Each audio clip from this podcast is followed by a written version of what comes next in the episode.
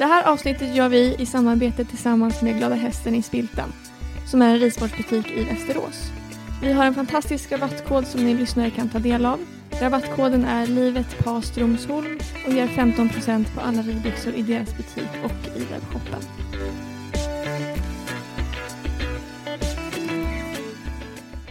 Hej och välkomna till ett nytt avsnitt av Livet på Strömsholm mellan Fibersand och Klassrumsgolv.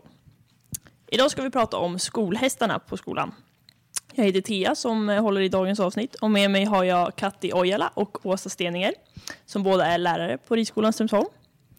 Eh, jag tänkte börja med att ni skulle få presentera er själva. Så Åsa, om du vill säga vad du gör här på skolan, eh, vad du gjort innan du kom hit och hur det kom sig att du började på Strömsholm.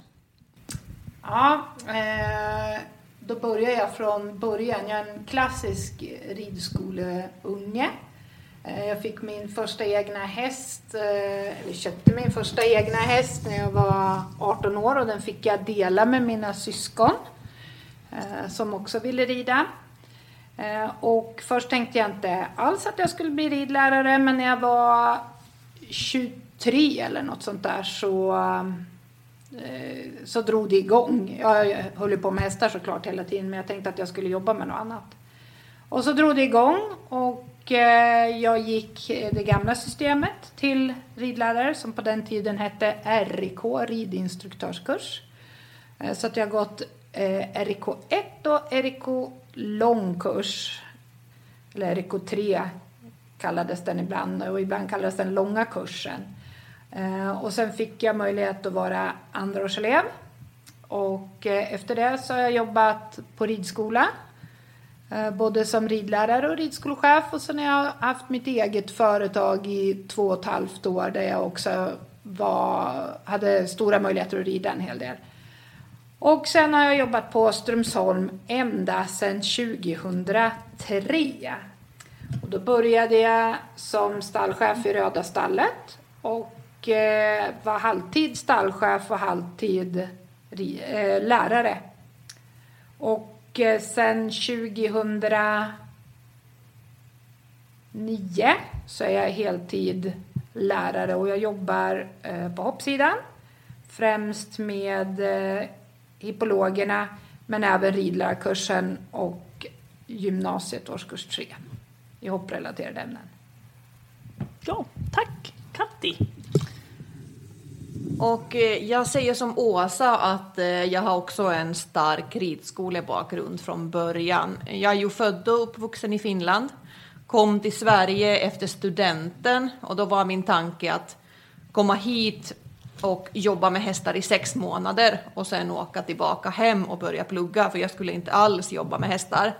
Men eh, sex månader, det gick jättefort, så sex månader blev ett år och ett år blev två. Och eh, då hade jag insett att det är hästar jag vill göra och inget annat. Eh, då jobbade jag i Skåne nära Fluinge och eh, då fick jag lite hum om hippologutbildningen. Tog lite mer reda på det, sökte samtidigt som jag sökte ridlärarutbildningen i Finland. Kom in på båda, men det blev hippologen. Jag kände inte riktigt att jag var klar med hästlivet i Sverige. Och eh, då gick jag hippologen 2010 till 13, varav de två sista åren här på Strömsholm. Och det var då jag kom mer och mer in på ridlärarspåret. Blev väldigt förtjust i både pedagogik och didaktik. Så 2013 efter hippologen då började jag jobba på ridskola på Stora Ekeby vid sidan av det så påbörjade jag yrkeslärarutbildningen för att bli yrkeslärare inom hästämnen. Och eh, efter min BFU, alltså lärarpraktik som jag gjorde här på Ridsportgymnasiet, så fick jag 2014 chansen att komma på arbetsintervju. För då, eh, dåvarande eh, ridlärare på gymnasiet valde att eh, börja jobba med hästar på annat sätt istället. Så jag har jobbat här sedan dess, sedan 2014. Har varit på gymnasiet mestadels. Um, idag så undervisar jag ridning och då främst hoppning. Sen undervisar jag hästkunskap, andra djurämnen och eh, har ett litet eh, hästansvar som innebär att jag planerar gymnasiehästarnas arbete.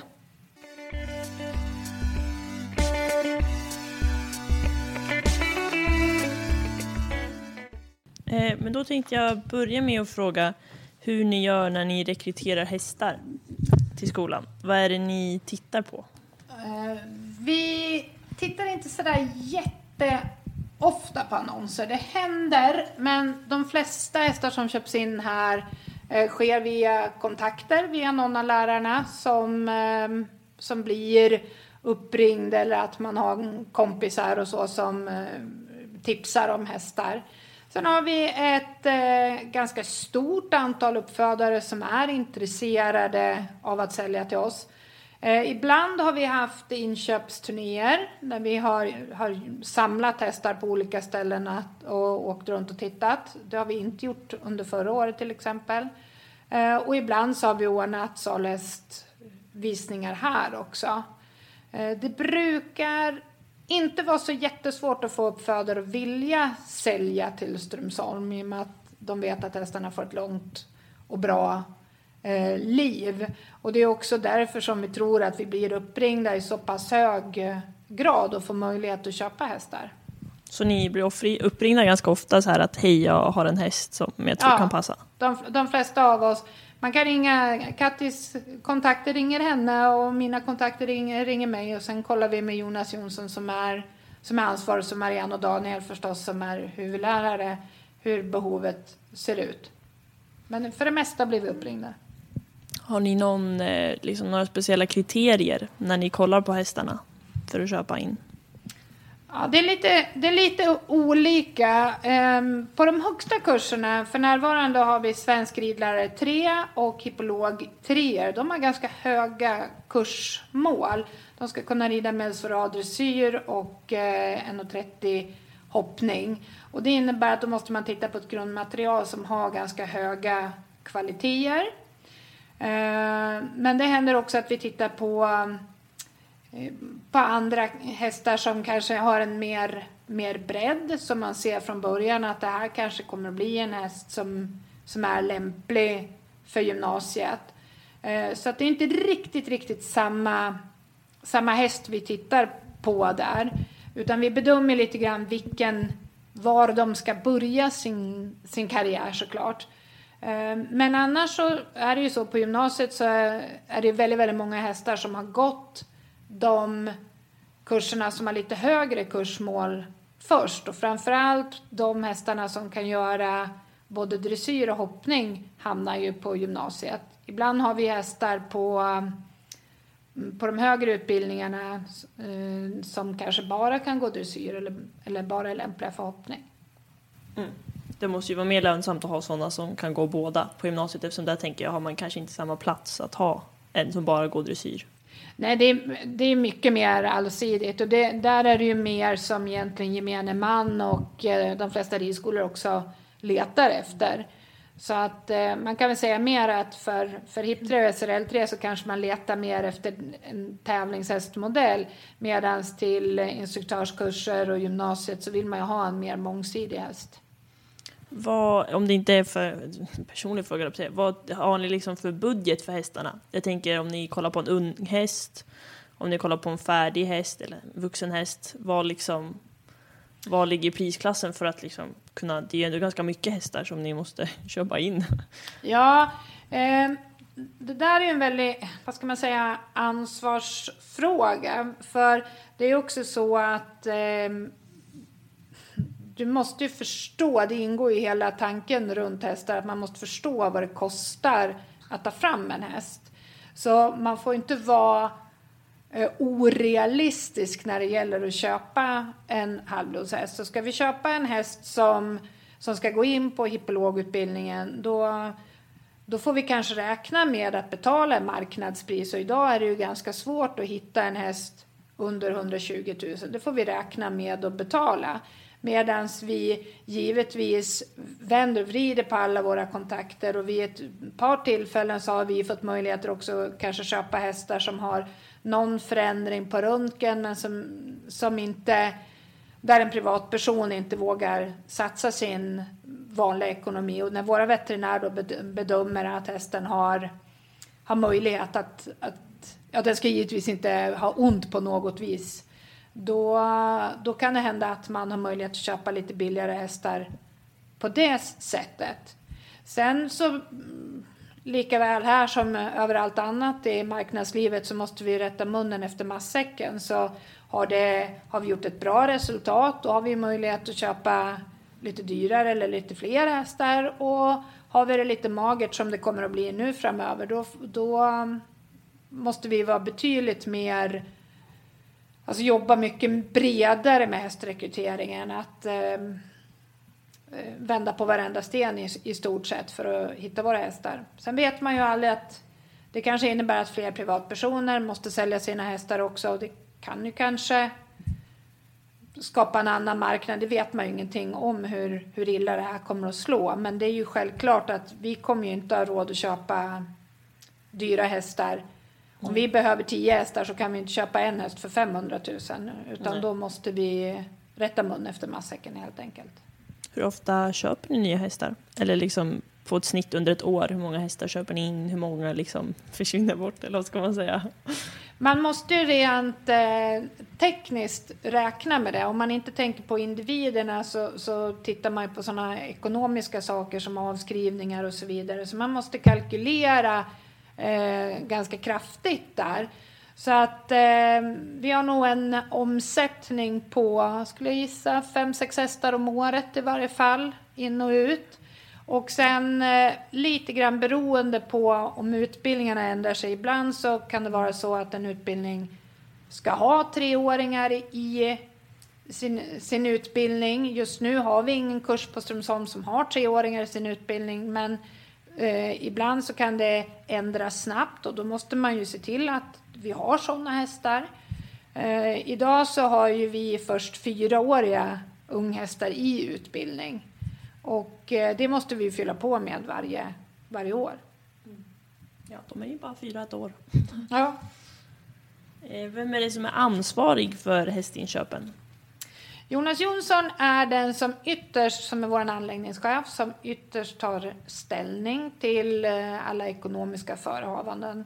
Men det är Marianne Sen som är vår huvudlärare i dressyr och Daniel Svensson som är huvudlärare i hoppning som ger sitt godkännande. Så vi, det är alltid de som säger det sista ordet. Men vilka är det som brukar kolla på hästarna när ni är ute och tittar? Eh, vi brukar faktiskt försöka enas. Så att det är en häst som vi tror eh, kan vara lämplig som hopphäst, då brukar vi försöka, alla vi som jobbar med hoppning, brukar försöka komma och titta. Och vi vill ju gärna att alla ridlärare känner igen alla hästar. För det kan mycket väl vara så att en häst går en säsong på en kurs och är i Kattis utbildning så kanske de kommer tillbaka till hippolog sen. Så det är inte på något vis att hästen får en, en stämpel i rumpan utan vi gör ju hela tiden det som vi tycker är lämpligast för hästen. Så vi brukar vilja vara överens när vi ska handla häst. Mm. Det låter ju bra. Vad... Eh Finns det något speciellt stam ni tittar på? Om ni ser så här. Stam är ju vissa, det här är en fråga vi har fått in. ja, det där är ju lite, det där är lite personligt faktiskt det, det också. Det finns en del hingstar som, som vi vet är lite skarpare och lite svårridna. Och det kanske vi inte kastar oss över. Eh, utan då vill man gärna, om, om det dyker upp en sån häst som vi vet har en svår stam. Vi hade en häst till exempel förra, för två år sedan som ha, hade en svår stam som också visade sig vara väldigt svår. Och då får man ju lite vatten på sin kvarn. Utan vi... Eh, hiphop till exempel är ju en häst, allt som är felician och blod i och sådär. Det vet man ju är väldigt, i allmänhet väldigt bra temperament på. Då, jag personligen är väldigt förtjust i det blodet och har ju bara goda erfarenheter av de hästarna som vi har haft här. Och så finns det vissa andra stammar som, som man kanske inte är lika förtjust i. Jag vet inte vad du säger Katte? Nej, men det, det stämmer allt du säger. Och generellt är svenskfödda hästar, framförallt ja. när man tittar på unghästar. Vågar, vågar ni nämna den skarpa hingsten vid namn? Eller är det... Nej, jag, jag tänker inte att man gör det, för på något vis så då stoppar man hästar i ett, Mm. i ett fack. Eh, och vi som har jobbat här har ju så pass mycket erfarenhet ändå så att man kan se hästen genom stammen. Men eh, man ska inte brännmärka några hästar utifrån stammen. Så det, det har inte jag någon lust med i varje fall. Nej, jag tror de som vet, de vet. Eller de. Nej, men jag, jag tror att om, om man nu tänker sig att, att man ska köpa en häst, om man ska tänka sig en, eh, Eh, en häst som, som ja, man kan rida ut på och så vidare, då, då kan det vara bra att läsa, läsa på lite grann om, om stammen. Oftast finns det ganska dokumenterat Eh, också om, om man läser lite, lite mer om hingstarna och så, så kan man titta om man kan få reda på mycket via tävlingsresultat och, och så vidare. Har man till exempel ett tävlingsresultat där man vägrar ut sig varannan gång, då det kan vara ett tecken på att, att den kanske inte är så lätt. Och är det istället så att det är 0, 4, 8 men att man ändå ser att hästen går hela tiden, om vi nu pratar hoppning, då kanske det är en häst som är, som är lite lättare att handskas med.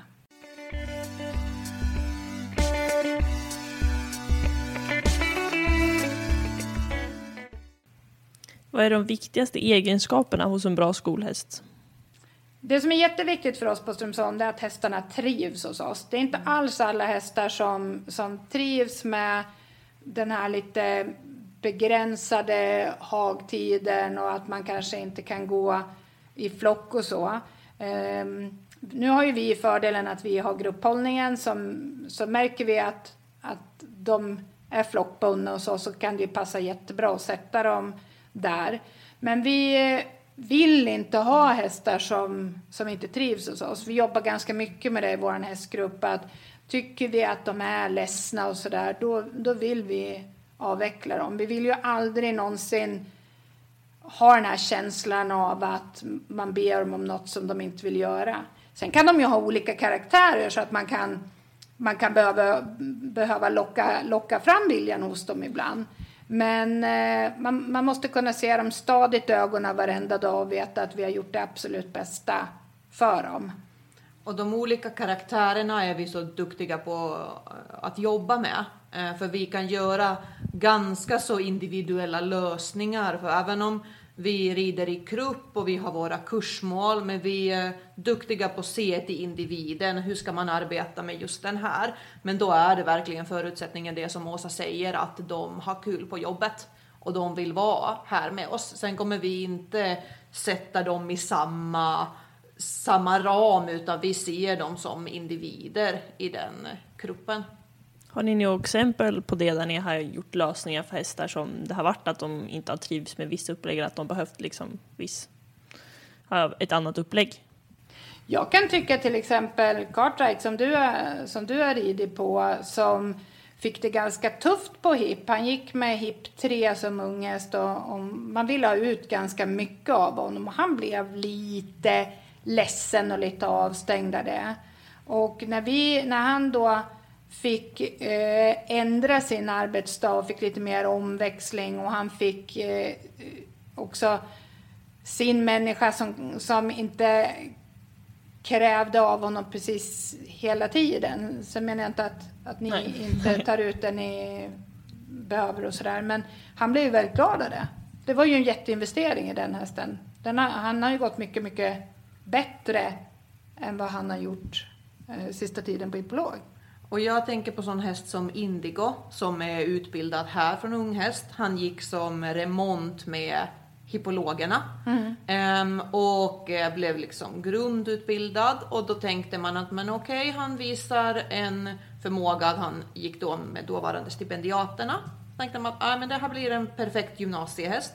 Så kom han in på gymnasiet ett tag och då började han hoppa bättre Och och, bättre. bättre. och bättre. Och sen fick han bli hopphäst på hippologen och gjorde en jättebra karriär i det. Han lärt många studenter att hoppa hinder. Och sen på grund av hållbarhet, för att han inte ska hoppa så höga hinder längre, så är han nu på gymnasiet och gör ett fantastiskt jobb. Och där har man verkligen hela tiden anpassat efter både vad han själv har visat och sen vad som blir hållbarhetsmässigt bäst. Sen är det viktigt också eh, på gymnasiet till exempel. På ettorna rider ju fler hästar och treorna rider ju väldigt mycket bara samma häst. Så märker man att, att en häst tycker att det är lite besvärligt med ryttarbyten då försöker man ju hålla sig till det. Att, att en häst ska ha samma ryttare så mycket och ofta som det går. Det är också ett sätt att få dem att trivas på jobbet. Har ni många sådana hästar som tycker det är svårt med ryttarbiten? Eller försök, eller ja, vad ska man säga? Ja, det tycker jag vi har några stycken. Och det som jag har märkt på gymnasiet är att de som har eh, gått hippologen, de hästarna, de har lite mera vant sig vid det och de kanske har tyckt från början att det är okej okay, eller så har man eh, liksom de har anpassat sig. Det blir mycket svårare med de hästarna som vi har köpt som vuxna färdigutbildade hästar till gymnasiet för de har varit privathästar och sen helt plötsligt så ska man ha olika ryttare på ryggen. De har mm. haft eh, tuffare resa med det oftast. Mm. Eh, hur ser utbildningen ut för dem? Eh, du pratar om att köpa in vuxna hästar och sen unghästar. Eh, när ni köper in dem som unghästar, hur, liksom, eh, hur ser vägen ut? Det här med att vi har eh, liksom, olika nivåer, vad ska man säga, steg. Eh, som jag nämnde innan så beror det lite grann på hur vi lägger upp våra kurser. Som det är nu så är det ju våran ehm, ja, systeranläggning, Flyinge, som, eh, som rider in treåringar. Och vi har väl en fundering på om vi ska jobba via dem i hästrekryteringen så att de eh, gör allt grundjobb och så fördelar vi hästarna. Men som det har varit nu då så har vi köpt in fyraåringar. Och då rids fyraåringar av hippologer, årskurs två. Eh, och sen så har även svensk ridlärare tre, eh, både tre, fyra och femåringar i sin utbildning. Men det systematiska arbetet sker väl i eh, hippolog och mm. vi behöver ju ha kurser hela tiden som arbetar med de unga hästarna. Vi har inte den ekonomin att vi till exempel kan ha tio unghästar som utbildas av personal utan eh, personalen rider ju också men eh, att hästarna utbildas alltid och sköts i någon kurs. Och då utbildar man dem i både dressyr och hoppning, terräng men det är också även sådana saker som att kunna stå still eh, på medellinjen, stå still vid genomgångar. Eh, man tränar dem på att alla hästarna ska kunna gå först de ska kunna våga gå över broar och så vidare. De ska träna på eh, de sakerna som är mycket här på Strömsholm. Att det kanske är verksamhet på en bana och så måste de kunna klara av att det går hästar förbi och så vidare. Så man tränar mycket på att en häst kanske är på bana och en är utanför. Och, och det är sådana saker som man inte riktigt tänker. En häst måste ju träna självförtroendet och modet när man bor på en sån här anläggning där man måste kunna röra sig på en ett väldigt stor yta. Verkligen. Det är ju en väldigt speciell miljö, men det var som eh, när vi hade någon konvalescent så sa att det kan vara väldigt bra för dem att stå typ i röda stallet för att det händer väldigt mycket där. Ja. Så då har man alltid liksom saker att titta på. Det är inte samma sak som när de står i ett liksom lugnt stall utan ja, på gott och ont. Vissa vill ha det lugnt men jag menar, om det är så så har de ju lättare eftersom det är så mycket som, som händer liksom bara ja. man ska ut och gå till hagen så är det ju ganska många saker och på sommaren här med, har de power meet känns det som ibland. På parkeringen, gubbarna ja. med bilarna som står och... Men det, är ingen, det är absolut ingen självklarhet. Hästarna måste träna på det och är de ängsliga så stoppar man ju in dem med trygga hästar före. Men sen måste alla hästar träna på att de kanske går två och två ner till ridhuset istället nästa gång och och så så, att, så att det där kommer inte bara av sig självt utan det måste man lägga upp och träna på varje moment. Och med vissa hästar måste man träna det mycket, mycket mer. Men man kan säga att grundplanen är att hästarna går på hippologen först som unghästar och utbildas där. Eh, och sen att de kan gå, är det beroende på lite vad de visar, om de då går vidare till typ stipendiater eller liknande och tävlas. Och sen kommer till gymnasiet, och, eller de som passar visar sig lämpliga direkt för att gå från hippologen till gymnasiet? Eller hur? Eh... Jo, men det är väl lite så. Nu är det ju inte alls, nu har vi pratat mycket om hippologer, men vi har ju Svensk ridlärare 2 eh, också som har unghästar i, men de tar ju över efter hippolog 2, så de hjälps åt med året med samma hästar om man säger. Eh, just nu ser upplägget ut så, men där ska man komma ihåg också att Strömsholm måste hela tiden svara mot vad marknaden vill ha. Vill man, märker man att det är en jättebra affärsidé att ha ångestprogram här så kanske vi måste ha det. För några år sedan så, så hade vi treåringar i utbildning så att där anpassar vi ju marknaden precis hela tiden och just nu har vi det upplägget att, att de går via hippolog och sen så tittar man på dem givetvis men vår grundtanke är ju att eh, alla hästar ska utbildas i dressyr och hoppning Eh, ingen ska välja gren egentligen innan de är fem år. Så att även om man ser att de har talang för dressyr och kan tävla vidare där så ska de fortsätta hoppa.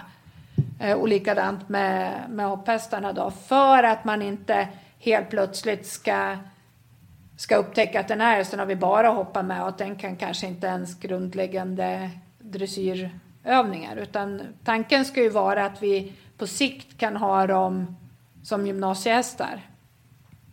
Och sen tittar man just på individen när eh, de är unga eh, och gör en bedömning att vissa eh, kommer bli fantastiska lärare och vissa ska göra en tävlingskarriär innan det.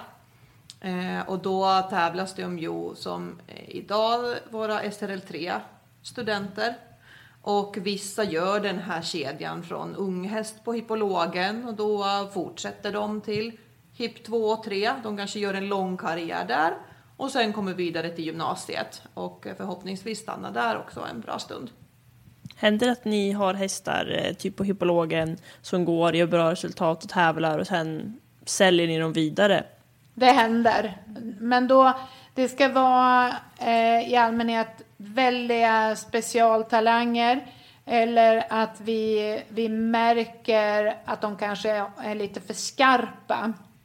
För det får inte vara så att det bara är en ryttare på hela Strömsholm som kan rida hästen. Eller att den är till exempel väldigt besvärlig att sitta upp på så att det är, att det är kopplat runt eh, säkerhet till exempel. Eh, ja, att, att, att ryttare mm. riskerar att bli skadade eller att eh, de kommer lös eller, eller så vidare. Eh, eller att de av någon anledning inte trivs i stallmiljön och så. Det, det är då vi säljer men det är ganska, ganska sällan. Men sen är det ju som alltid, får man fram en, en jättetalang då, då kan ju det det kan ju hända att den hästen kommer bättre till sin rätt ute i, på tävlingsbanan än att jobba hos oss. Tack så mycket för att ni ville vara med. Det har varit jättekul och intressant att höra allt eh, och prata om våra skolhästar. Jag tror att eh, jag uppskattat det i alla fall. Jag hoppas att andra också kommer göra det. Eh, det här eh, är ju inte det sista avsnittet, men eh, tills vidare så är det här avsnittet vi har i podden eftersom vi inte vet riktigt när vi kommer tillbaka och sånt. Ehm, jag hoppas att alla tar hand om varandra och eh, sina hästar och hoppas att eh, ni tar hand om skolhästarna och att de har det bra och håller ut tills, tills allt det här är över. Eh, så får jag tacka så mycket och hoppas att vi hörs nästa gång. Som ni kanske vet så har vi haft en tävling tillsammans med vår sponsor Glada Hästen i Spiltan där vi har lottat ut två stycken presentkort Eh, på 250 kronor var som går att använda i Glada Hästensbyttans butik, både på internet och i den riktiga butiken. Vi ska nu presentera de två lyckliga vinnarna. Den första vinnaren är Ebba Nilsson och den andra är Jacqueline Gisler. Ni kan kontakta oss på Instagram så ska vi skicka presentkorten till er. Ett stort grattis och tack till alla er andra som har varit med och tävlat.